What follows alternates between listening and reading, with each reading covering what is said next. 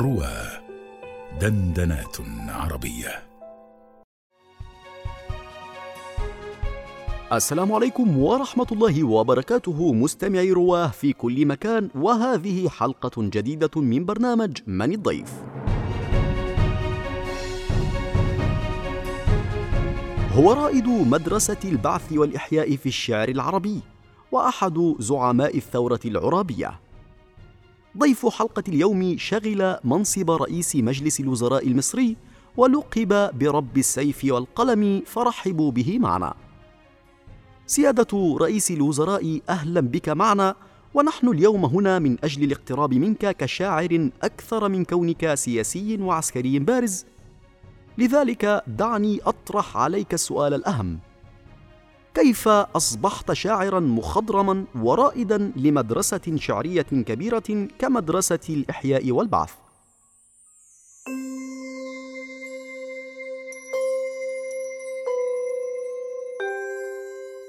مرحبا بك وبالجميع أصبحت شاعرا لأنني ببساطة تكلمت كالماضين قبلي بما جرت به عادة الإنسان أن يتكلم. فلا يعتمدني بالإساءة غافل فلا بد لابن الأيك أن يترنم. صح قولك ضيفي الكريم ولكن البعض يفهمون هذا على أنك قمت بتقليد الشعراء الأوائل من خلال المحاكاة والنسج على نفس المنوال.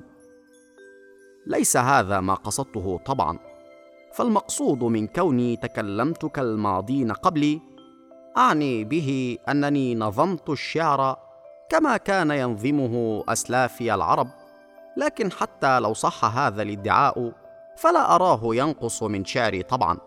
والأهم هو أن الظروف التي خرجت فيها كانت دافعا كبيرا لظهور تلك المدرسة الشعرية التي حاولت إعادة إحياء الشعر من جديد. تقصد الظروف الخاصة بشخصك أنت؟ أم الظروف التي كان يمر بها العالم العربي بشكل عام؟ بالطبع أقصد الظروف العامة للعالم العربي على الرغم من أن ظروف حياتي على وجه التحديد كان لها عامل مؤثر كذلك لكن ظروف الاستعمار والتطور الاجتماعي والسياسي وانحطاط الشعر وركاكته بشكل عام هي ما دفعتني إلى محاولة إحياء الشعر على نفس نهج السابقين. طيب إذا انتقلنا إلى علاقتك التبادلية مع الشعر. هل نستطيع القول إنك تخلع ثوب الحزم العسكري حين ترتدي ثوب الشاعر؟ أنا لا أتخلى عن الحزم بشكل عام حتى حين أتحول من السياسي والعسكري إلى الشاعر.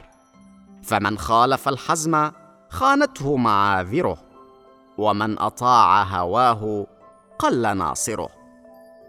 لكنني لا أستطيع التخلي عن تقدير مشاعري للجمال والطبيعة بجداولها وورودها وبلابلها أيضا فهي المهرب الشرعي من حزم الحياة العسكرية والسياسية. عظيم جدا وهذا ما كنا نصبو إليه في لقائنا اليوم بصراحة أن نقترب منك كإنسان عادي لكنه شاعر. وعليه فلا بد أن نستمع إلى إحدى قصائدك التي تعبر عن نزعتك الجمالية في الشعر. طيب إليك هذه القصيدة التي أقول فيها عم الحيا واستنت الجداول وفاضت الغدران والمناهل وزينت بنورها الخمائل وغردت في أيكها البلابل. وشمل البقاع خير شامل فصفحة الأرض نبات خائل وجبهة الجو غمام حافل وبين هذين نسيم حائل. تندى به الأسحار والأصائل كانما النبات بحر هائل. أكثر من رائعة بصراحة. لكن دعنا ننتقل إلى رؤيتك للحياة بشكل عام. كيف ترى حياة الإنسان؟ هذان البيتان اللذان نظمتهما سيختصران مجمل الحياة بالنسبة لي في العموم. إذا شاب رأس المرء شاب فؤاده ولم يبقى فيه للبشاشة موضع. وأي نعيم في مشيب وراءه هموم إذا مرت على القلب يفزع. أوجزت في الحقيقة وللأسف فقد انتهى الوقت المخصص لحلقة اليوم فشكرا جزيلا على حضورك اليوم معنا وإلى لقاء جديد بإذن الله. دمتم في حفظ الله وأمنه.